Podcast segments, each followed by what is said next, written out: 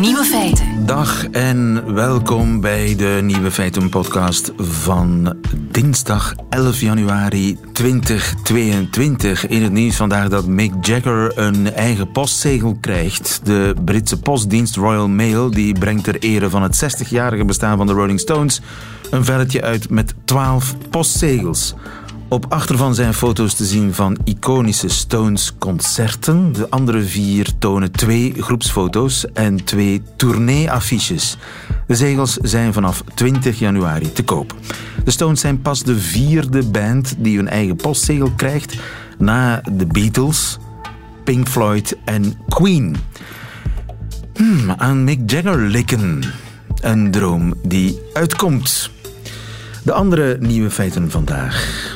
De nieuwe Nederlandse regering is ingezworen. De links-liberale vicepremier Kaag die deed dat bij God Allemachtig.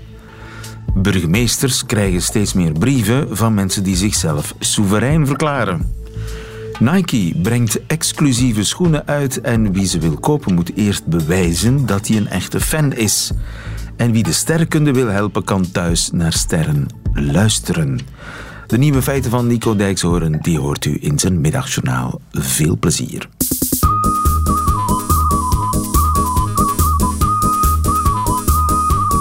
Nieuwe feiten. Ik ga u iets laten horen. Enig idee wat dit is? Ik zal een, ik zal een volgen. Misschien helpt het als ik nog een geluid laat horen. Wat zou dat kunnen zijn? Geen idee? Ik ga eens aan Katrien Kolenberg vragen. Dag Katrien. Hallo, goedemiddag. Katrien Kolenberg, jij bent sterrenkundige. Eh, wat hebben we nu gehoord? Jullie hebben twee verschillende sterren gehoord. De eerste ster is een Beta Cephei-ster en de tweede ster is onze eigen Poolster.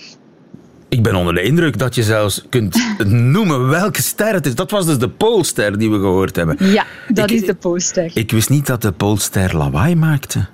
Nee, nee ja, dat weten veel mensen niet. Onze fixe ster is eigenlijk variabel en dus de Poolster trilt. En wat dat wil zeggen is dat de Poolster eigenlijk een beetje inkrimpt en uitzet en heel veel sterren trillen op die manier. En doordat die sterren trillen, gaan ze eigenlijk galmen als reusachtige gongs. En wat jullie horen, is eigenlijk zijn data van de sterren die we via het licht hebben opgenomen, die weer omgezet zijn naar geluid en die hoorbaar gemaakt zijn voor mensenoren. Oké, dus het is een omzetting van lichtstralen naar geluid die we gehoord Inderdaad, hebben. Inderdaad, ja. Inderdaad, en, die lichtstralen zijn eigenlijk het gevolg van de geluidsgolven in de ster. Die variaties in het licht zijn het gevolg van het geluid.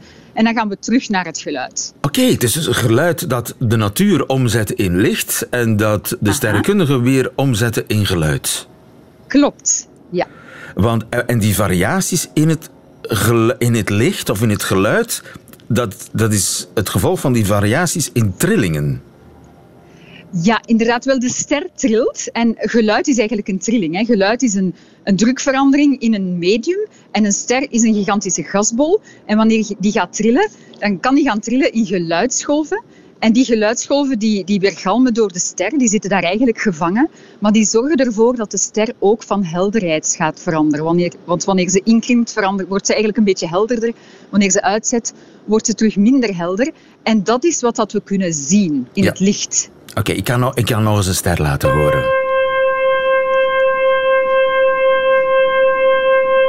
Ja. Een idee? ja, ja, dat is mijn lievelingsster. Hè. Dat ah, is dat is uw lievelingsster? Ja. Welke is dat? RR Lyrae heet die. En ja, oh. dat is een ster die trilt één keer om de, om de halve dag. Uh, en ja, die heeft zo'n een hele mooie klank, een hele zuivere de klank. De RR Lyrae trilt... Ster. Die ster die, die, die trilt om de halve dag. Ja, inderdaad. Gemiddeld. Eigenlijk, dat is de naam van een klasse van sterren. Want net zoals bij muziekinstrumenten je verschillende soorten hebt, heb je bij sterren ook verschillende klassen van sterren. En er zijn dus, ja, er zijn miljarden RR-sterren, er zijn miljarden sterren zoals de Poolster. Dus er zijn verschillende soorten stellaire muziekinstrumenten, zou je kunnen zeggen. Ja, want ze, inderdaad, je hoort kleine variaties. Dat is een soort... Het is ja, een ja, windruis. Inderdaad, in deze ster hoor je heel veel tonen tegelijk. En deze ster trilt dus met periodes van ja, enkele uren, maar heel veel tegelijk. Daardoor dat dat een beetje meer spacey klinkt Ja. dan die andere twee. waarom laten jullie die sterren horen? Waarom zetten jullie dat licht weer om in geluid? Wat is daarvan het voordeel? Ehm, wel, het, het maakt het ook meer, ja, meer tastbaar, is niet het juiste woord. Het, het, we zetten meer zintuigen in om sterrenkunde naar de mensen te brengen. En ook willen we onderzoeken of het menselijk oor zou kunnen ingezet worden voor data-analyse binnen die sterrenkunde. Aha. Want wij onderzoeken dus trillingen van sterren. Uit die stertrillingen kunnen we heel veel leren over de opbouw van de sterren, want dat is de reden waarom ze eigenlijk verschillend klinken. En eh, meestal in de sterrenkunde, ja, wat doen we? We nemen lichtdata op. We gaan die data bekijken op een scherm. We lezen tabellen. Dus eigenlijk lijkt sterrenkunde een heel visuele wetenschap. Maar wat er hier ten gronde ligt aan die variaties zijn eigenlijk geluidsgolven. En daarom willen we met het project Astrosounds gaan onderzoeken in welke mate dat we ook met het menselijk oor sterren kunnen gaan analyseren en bijvoorbeeld die verschillende klassen gaan bepalen gewoon op basis van de klank. We kunnen dat ook zien in het licht. Maar, Maar je, je het- hoort het het misschien beter het dan je... Het is leuker misschien, maar het, het, het werkt misschien ook beter. Je hoort het misschien het beter dan je het misschien ziet. ook beter. Wel, inderdaad. Ik denk dat als je meerdere zintuigen gaat inzetten om iets te onderzoeken, dat je ook meer dingen op het spoor kan komen. Want eh, ons oog heeft ook een aantal blinde vlekken. We zien niet alles. Eh, ons oor heeft dat ook. Maar als we die twee zintuigen samen gaan gebruiken, dan, eh, ja, dan kunnen we misschien meer te weten komen. En ook is het zo dat je daardoor de wetenschap ook inclusiever maakt. Hè. Je moet niet alles kunnen zien, maar je kan er ook naar luisteren. Ja, en, want dit is eigenlijk tegelijkertijd een oproep aan iedereen die zit te luisteren. Je kunt allemaal meewerken aan de sterrenkunde. Absoluut. Ja, dus we hebben een, een zogenaamd burgerwetenschapsproject. Dat heet Astrosounds. En bij dat, voor dat project doen we dus een warme oproep aan de burgers, jong en oud. Iedereen die oren heeft en die, die wil inzetten om ook mee naar sterren te luisteren. En eh, ons mee te helpen achterhalen of we dus dat oor kunnen gebruiken voor data-analyse in de sterrenkunde. En door dat te doen leer je natuurlijk ook meer over de sterren, maar je draagt ook een steentje bij tot de wetenschap. Ah ja. En kan ik dat thuis doen of moet ik daarvoor naar een laboratorium komen? Wel, momenteel hebben we een opstelling staan in Leuven, in de Stadsbibliotheek. En daar kan je interactief iets leren over die sterren en kan je ook meedoen aan een experiment waarbij je zelf de sterren al gaat klassificeren. Of je kan gaan naar onze website www.astrosounds.be en daar kan je ook in verschillende modules mee eh, sterren helpen klassificeren. En Ja. dat is in aanbouw, dus dat is begonnen nu en dat, dat wordt in de loop van het jaar nog verder opgebouwd. Astrosounds.be. Katrien Kolenberg, ik heb Ja. nog één vraag voor jou. Wat horen we? Mijn stofzuiger, zou ik denken, die een beetje verstopt is. Ja, dat is onze eigen zon. Onze eigen zon. Is dat niet eh, Ja. een, een geweldig idee om eh, naar sterren te luisteren? Volgens mij is eh Vangelis daar ooit mee begonnen, als je daar zou op letten op die muziek. Katrien Kolenberg, veel succes met Astro Sounds. Dank. Astrosounds.be is het adres.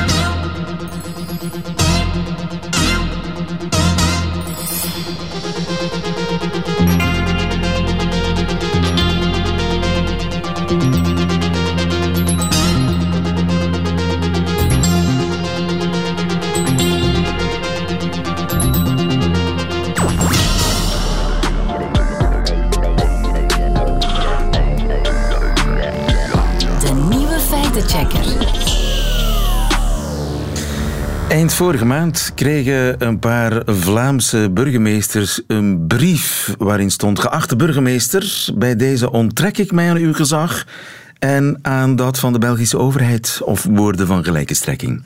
Was getekend een soevereine burger. Rien en Marie, goedemiddag. Goedemiddag. Onze soevereine nieuwe feitenchecker. Soeve soevereine burgers, dat is iets nieuws. Is het iets nieuws? Eigenlijk, eigenlijk niet, maar het is iets dat uh, nieuw opkomt opnieuw eigenlijk. Um, maar het bestaat eigenlijk al langer. Uh, het is een, een kleine beweging al een aantal jaren in verschillende landen. Bij ons is het voornamelijk vanuit Nederland wat overgewaaid. Uh, maar er is een duidelijke band met uh, de coronacrisis en mensen die het oneens zijn met de coronamaatregelen. Dat, dat, dat, idee van een soevereine burger die zich onafhankelijk verklaart van de overheidsmacht, um, dat dat opnieuw op, opgang heeft gekregen. Ja, ja dus dat heeft uh, wind in de zijde gekregen dankzij de antivaxers, mag ik dat zo zeggen? Gewoon niet noodzakelijk antivaxers, gewoon mensen die het beu zijn, die vinden dat de overheid hen geen regels mag opleggen. Um, in die brieven die die burgemeesters kregen, staan dan allerlei verwijzingen naar grondwettelijke artikels en uh, internationale verdragen. Dat, die beweren dat uh, het, het, verplicht dragen van een mondmasker dat dat uh, geestelijke marteling is zo, zo, zo wordt de, de overheid wordt beschuldigd van bendevorming, van eh, deelname aan een criminele organisatie. Het is, het is juridisch uh, is het onzin natuurlijk, maar uh, mensen denken dat dus door het versturen van zo'n aangetekende brief aan hun burgemeester, maar ook aan het uh, agentschap Binnenlands Bestuur van de Vlaamse overheid, ja. parallel, dat men daarmee zichzelf kan soeverein verklaren. Um, ja, en het is dan maar de vraag hoe, hoe symbolisch men dat opvat. Dus, um, ja, dus mensen geloven echt dat ze dan eigenlijk Belg af zijn. Ga, niet noodzakelijk, maar dat ze, dus, ze eisen hun, hun leven terug op als een, als een uh, levend wezen. Want wat zit daar precies achter? Uh, om te zeggen, dus het is niet iets nieuws van tijdens de coronacrisis. Het is al iets dat heel lang bestaat. Daarachter liggend zit een hele ingewikkelde uh, complottheorie over hoe elke persoon die geboren wordt, als een geboorteakte opgemaakt wordt, eigenlijk een soort uh, entiteit wordt, een bedrijf en dat je voor je zevende verjaardag jezelf moet uh, opeisen als natuurlijke persoon, want anders uh, incorporeert de overheid jouw natuurlijke persoon als bedrijf. Uh, dus die, die, die verklaringen om zich soeverein te verklaren, ja, daar zit een, een, een verhaal achter van eeuwen maar verwijst daarbij naar pauselijke edicten uh, uit de middeleeuwen. Uh, de grote brand van Londen in 1666 had er ook iets mee te maken. Jeetje. Men gelooft dat er een soort geboortetrust, een echt trust fund, wordt opgericht als je geboren wordt. En dat je dat op een of andere manier kan claimen op die manier. Doet um, mij niet... aan een secte denken, Rien. Het is, het is geen secte, het is, het, is, het is, ja, maar het is wel heel... Allee, het, het slaat natuurlijk nergens op. En die, die brieven die men verstuurt, en het zijn er ondertussen toch al... Het waren er enkele in, in december of in november vorig jaar. Het zijn er ondertussen al tientallen um, die men binnenkrijgt bij overheden, waar dus die burgers zichzelf soeverein verklaren op basis van een schabloon dat rondgaat. En dat schabloon wordt wel heel hard verspreid binnen anti-coronamaatregelen groepen. Uh, ja. Groepen als uh, Belgians for Freedom... Maar uh, zit, die... zit, daar een organisatie achter? Uh, Waarschijnlijk het, wel. Het valt maar... op. Ja, ja, het valt op dat die schabloontjes worden uh, gemaakt en zijn geïnspireerd door uh, Nederlandse organisaties die al langer en van lang voor de coronacrisis hetzelfde doen. Die um, Burgerfront heten uh, ja, en andere namen hebben. Um, ja, mensen die het op dat moment al niet eens waren met een of ander aspect van het overheidsbeleid uh, en die zich dus ja, proberen soevereine burger te noemen en die dan ook wel echt denken dat geen enkele regel nog van hen van toepas op hen van toepassing is. Ja, maar wat als ze denken... bijvoorbeeld een internationaal paspoort nodig hebben, wat dan? Uh, da daar hebben ze een oplossing voor, want uh, ze verkopen ook eigen diplomatieke paspoorten. Uh, en dat heet het Earth Travel Passport. En dat ziet er een beetje uit als een echt diplomatiek, een echt, ja, echt reispaspoort. En hoeveel kost dat? Uh, je, kan het, je kan het kopen op de kopteken voor uh, 45 euro, wat trouwens minder is dan het echte reispaspoort. Maar dus, je kan daar niet mee reizen natuurlijk. Ja. Dat is geen geldig paspoort.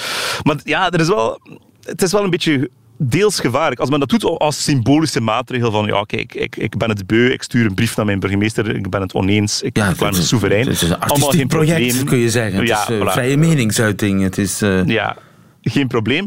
Maar als men natuurlijk denkt dat daardoor, um, en dat raadt men ook aan, een bepaalde van die groepen, van ja, als uh, de politie identiteitskaart vraagt, hoef je die niet te geven. Um, als men denkt van ja, we hoeven geen belastingen meer te betalen, want uh, we zijn soevereine burgers, um, dan, dan kunnen mensen natuurlijk die daar echt in geloven, zwaar in de problemen komen. Want de FOD Financiën, die gelooft niet in soevereine burgers. Die gaat u uh, uh, boetes en deurwaarders uh, op u afsturen, natuurlijk. Ja. Um, dus het is wel een problematisch gegeven. Het kan problematisch zijn. In de VS heeft de FBI bijvoorbeeld die beweging van sovereign citizens, die daar ook al bestaat, en die voornamelijk geïnspireerd is door mensen die het oneens zijn met de wapenwetgeving daar, heeft men die betiteld als ja, toch een, een interne uh, terroristische dreiging die ervan uitgaat van die personen. Interne ja, terroristische dreiging, dat zijn ja, zware woorden het is een recept voor, uh, voor confrontatie met de overheid en voor confrontatie met ordediensten. Hè. Als een politieagent uw identiteitskaart vraagt en je geweigert die te geven en je zegt van nee, ik ben soevereine burger, ik hoef niet naar jou te luisteren. politie zal dat niet echt aanvaarden. En dus ja, in de VS zijn er dan mensen die milities oprichten, hè, gewapende milities, omdat ze vinden van de overheid hoeft niet te komen op mijn uh, land. En als dan iemand van het kadaster toevallig langskomt, uh, krijgt hij soms een kogel in zijn been. Dus in die, in die zin gaat het daar wel een stuk verder. Maar ja. het is toch iets om in de gaten te houden. Verdere polarisering. Het is een probleem.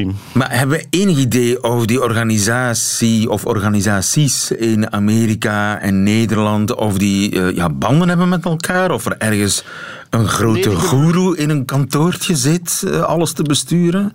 Nee, dat is niet zo. In de, in de, VS gaat het vaak om gewoon wapenwetgeving. Dat is, dat, dat is daar de inspiratie van de Sovereign Citizen Movement. Mensen die vinden de federale overheid heeft daar niets over mee te zeggen, et cetera.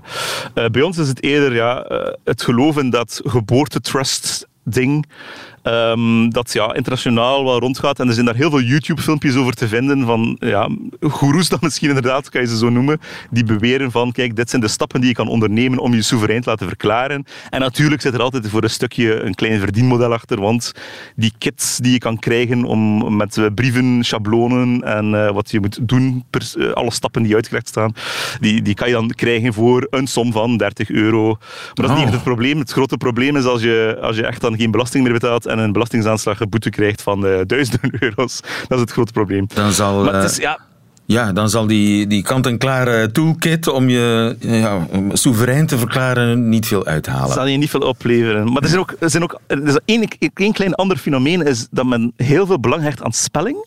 Dus je mag absoluut niet je achternaam spellen in drukletters, want dan ben je een slaaf. Want in de Romeinse tijd schreef men de naam van uh, slaven ook in drukletters.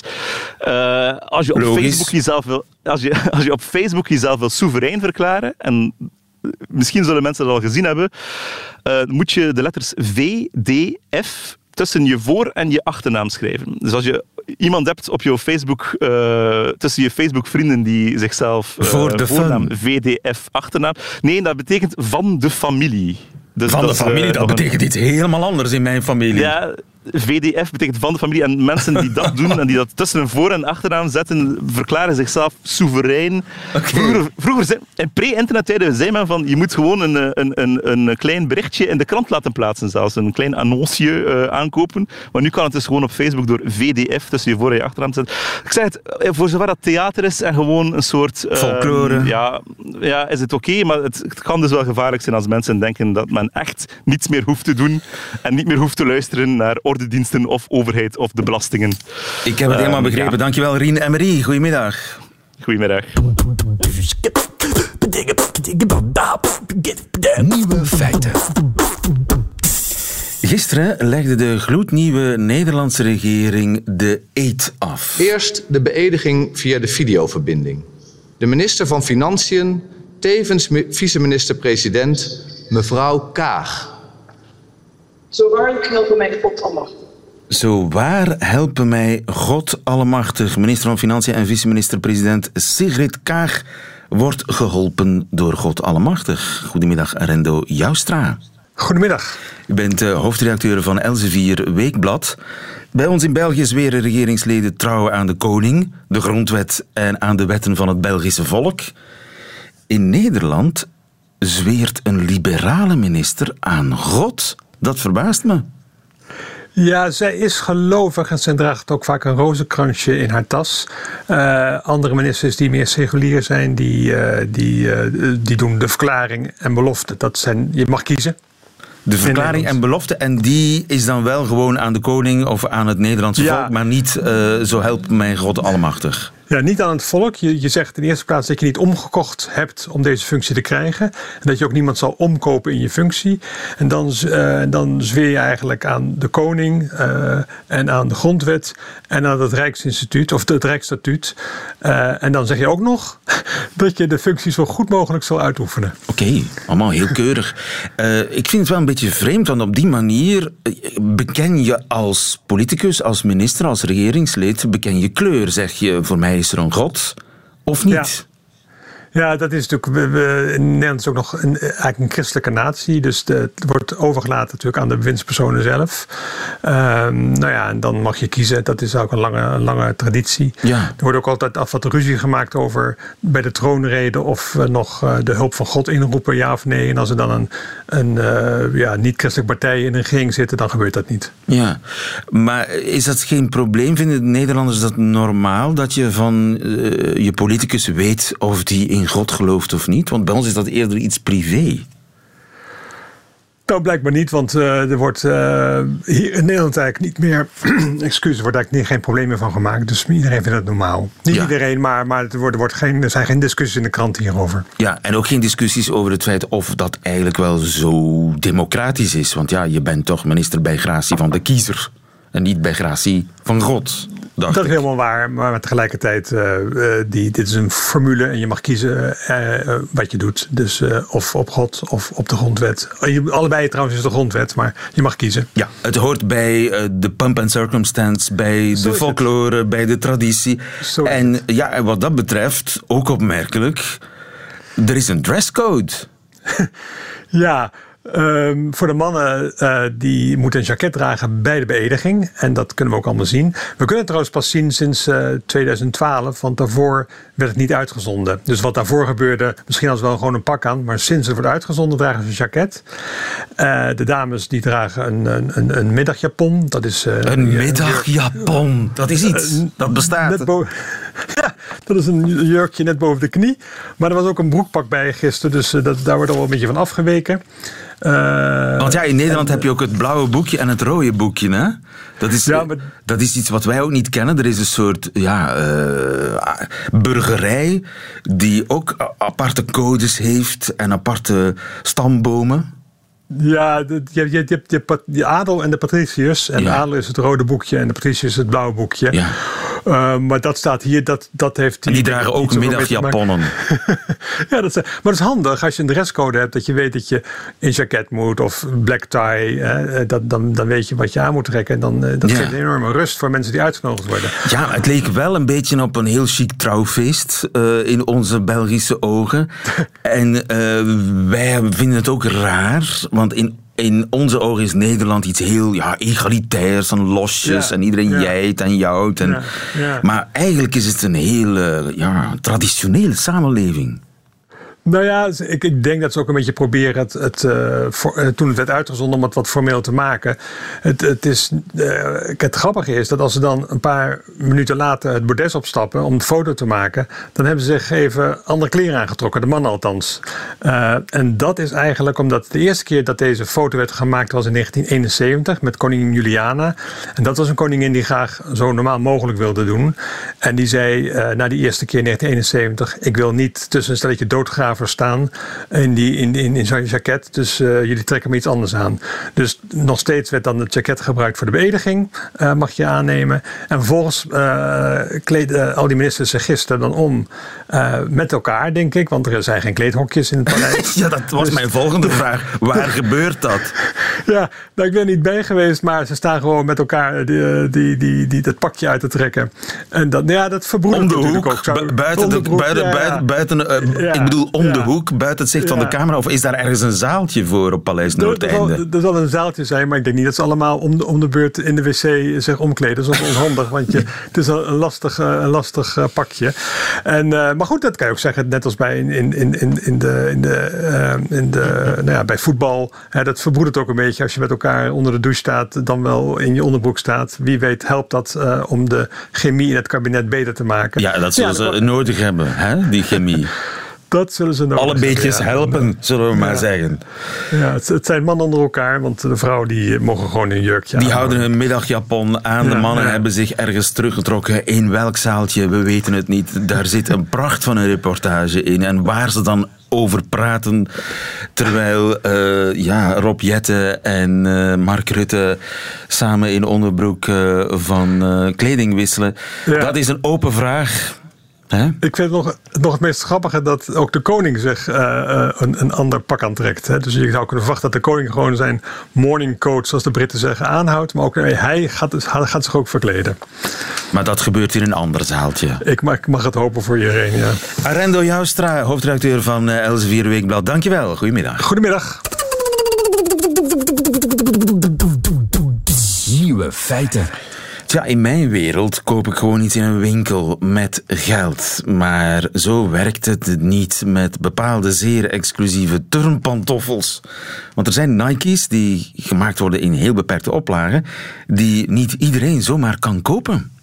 Pieter Pauwels, goedemiddag. Goedemiddag. Je bent sneakerverzamelaar en je hebt ja. een, een sneakerpodcast ook. Yes, We Got Love. We Got Love. En ben je nu op sneakerjacht in Parijs? Want ik hoor dat je op straat uh, loopt. Ja, zoiets, dat klopt. Ik ben momenteel in Parijs. Uh, mijn vriend van mij, we gaan uh, enkele winkels gaan bezoeken vandaag en morgen. Dus uh, ja, we zijn op sneakerjacht. Zeg, en die hele speciale Nike's, mag ik die kopen? Ja, uiteraard mag iedereen die kopen, maar het zal alleen niet makkelijk zijn. Het is zo dat eigenlijk uh, de exclusievere modellen uitkomen via een raffle of via een soort van loterijsysteem. Waarbij dat je dus eigenlijk uh, je inschrijft om dan uh, hopelijk de gelukkige te zijn die ze mag kopen. Dus het dat is, eigenlijk een beetje een bizar systeem. Ja, dat klopt. En heb ik alleen geluk nodig of kan ik mijn kansen om uit die tombola te komen verhogen? Wel, vroeger was het alleen op basis van geluk, maar nu is Nike op de proppen gekomen met een nieuw systeem. Uh, eigenlijk voornamelijk om resellers tegen te gaan. Uh, resellers zijn dan eigenlijk mensen die schoenen gaan opkopen om dan weer te, uh, door te verkopen, uiteraard tegen een meerprijs. Um, maar nu dus volgens Nike, maar dat is allemaal nog heel onduidelijk, zou je um, meer kans hebben om te winnen wanneer dat je meer inspanning levert. Zijn de meer meedoet aan loterijen, uh, de content deelt en, en bekijkt. En op die manier eigenlijk een soort van uh, als ambassadeur uh, voor Nike gaat werken, zou je meer kans hebben om, um, om de loterij te winnen. Ja, ja. Dus ik moet, naarmate ik meer kan bewijzen dat ik een echte fan ben, ja, klopt. dan kan ik uh, die schoenen. Ik begrijp daar helemaal niets van. Want uh, als iedereen die schoenen wil, ja, ja, dan kunnen ze er toch gewoon 600 euro voor vragen. Ja, maar dat is natuurlijk een beetje het ding, dat gebeurt ook. Er wordt ook 600 euro voor gevraagd, of nog meer zelfs. Maar dat is dan op, op sites of in winkels die ze gaan, gaan doorverkopen. Door die resellers toch, wordt er 600 Door die resellers, exact. Ja, want ik denk dat Nike nog altijd een beetje de filosofie behoudt van het, het blijft een sportmerk. Uh, dus het zou moeten uh, beschikbaar zijn of voor, voor, voor iedereen. Alleen is het zo dat het, het basismodel uh, voor iedereen beschikbaar is, maar de speciale edities van veel van hun, van hun modellen, van hun silhouetten, die worden dus expres zo exclusief in de markt geplaatst om een soort van hype te creëren rond het, het, het, het merk aan zich. Dus Ja, ja. uh, rond Nike als, als, als merk. En die hele exclusieve schoenen, zijn die dan zo anders dan gewone sneakers? Eh, Zijn die gemaakt van uiterst zeldzaam beverleer of afgezet met diamanten, eh, hydropneumatische vering? Zo, zover zou ik het niet drijven, maar het is een beetje een, een, een kunstobject uh, geworden natuurlijk. Een verzamelobject. Um, natuurlijk, ja, uh, alles, uh, alle prijzen, uh, prijzen van de meeste exclusieve dingen zijn, zijn relatief. het is niet alleen de tijd die erin gestoken wordt of ook de, de materialen die de kostprijs bepalen, maar ook het verhaal erachter, het concept en de exclusiviteit. Maar eigenlijk zijn dat niet gewone schoenen. Dat zijn gewoon uh, Eigenlijk sneakers. zijn dat gewoon schoenen. Die er een beetje anders kleuren, uitzien, speciale die er een kleuren. beetje anders uitzien. Ja, een samenwerking met een bepaalde artiest, een samenwerking met een ander kledingmerk. Ja. Uh, dus op die manier uh, wordt dat een, gege een gegeerd product. Vooral uh, omdat ze er maar 50 van maken of zo. Ja, zo, zo, dat is natuurlijk ook een beetje het, het idee. Zo exclusief is het niet. Ehm, maar als, hoe zou ik het zijn, als 2 miljoen mensen iets willen en er zijn er maar 100.000 van beschikbaar, Ja. dan, dan is het ergens logisch dat er, eh, dat er een soort van hype ontstaat en Ja. dat dingen kunnen doorverkocht worden of dat er raffles moeten Ja, georganiseerd ja, worden. en dus dat is eigenlijk gewoon de bedoeling, hype. Het is echt een PR-oefening. Exact. Er wordt ook gezegd dat Nike niet het grootste sportmerk van de wereld is, maar het grootste marketingbureau van de wereld is. Dus daar is iets van aan dat Nike wel, eh, de anderen doen het ook, Adidas, Puma, Vans, maar Nike is toch wel heeft een leidende rol in, eh, in alles wat die marketing betreft. Ja. En eh, heb je zelf zo van die exclusieve schoenen?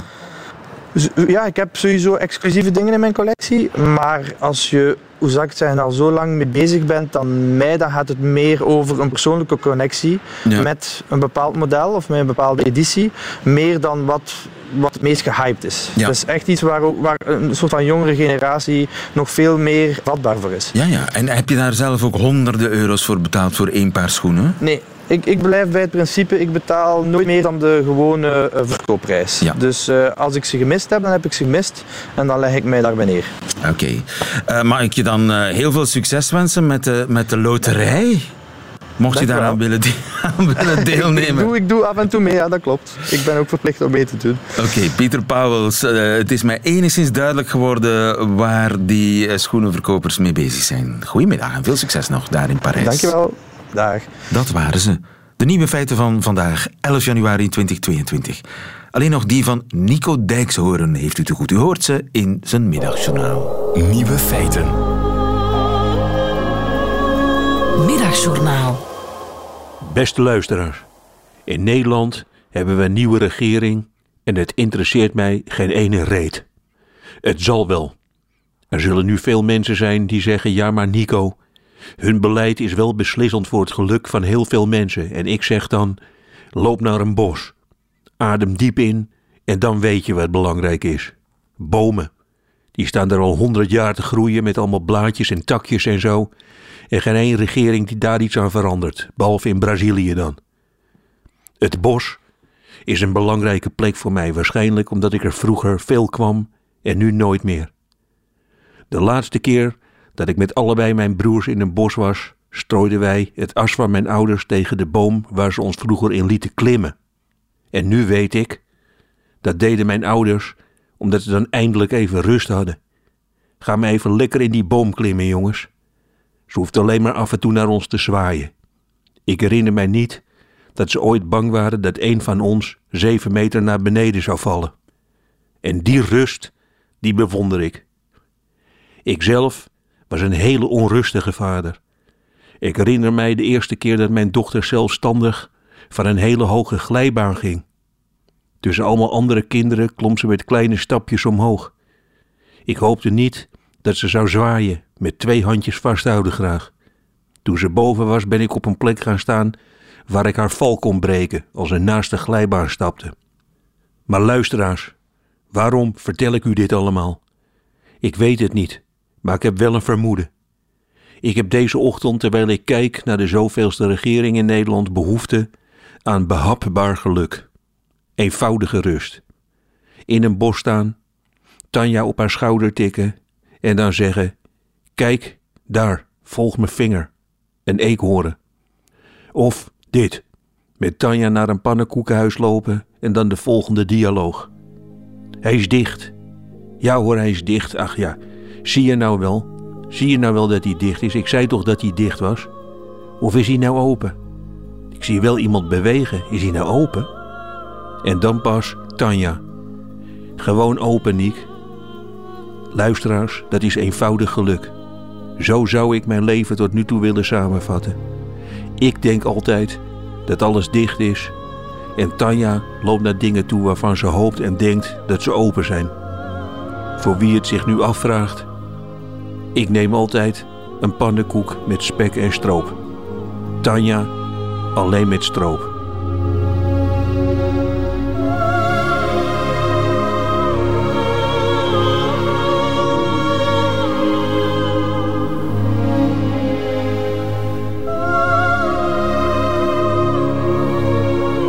Het bitterzoete levensgevoel van Nico Dijkshoorn samengevat in één pannenkoek.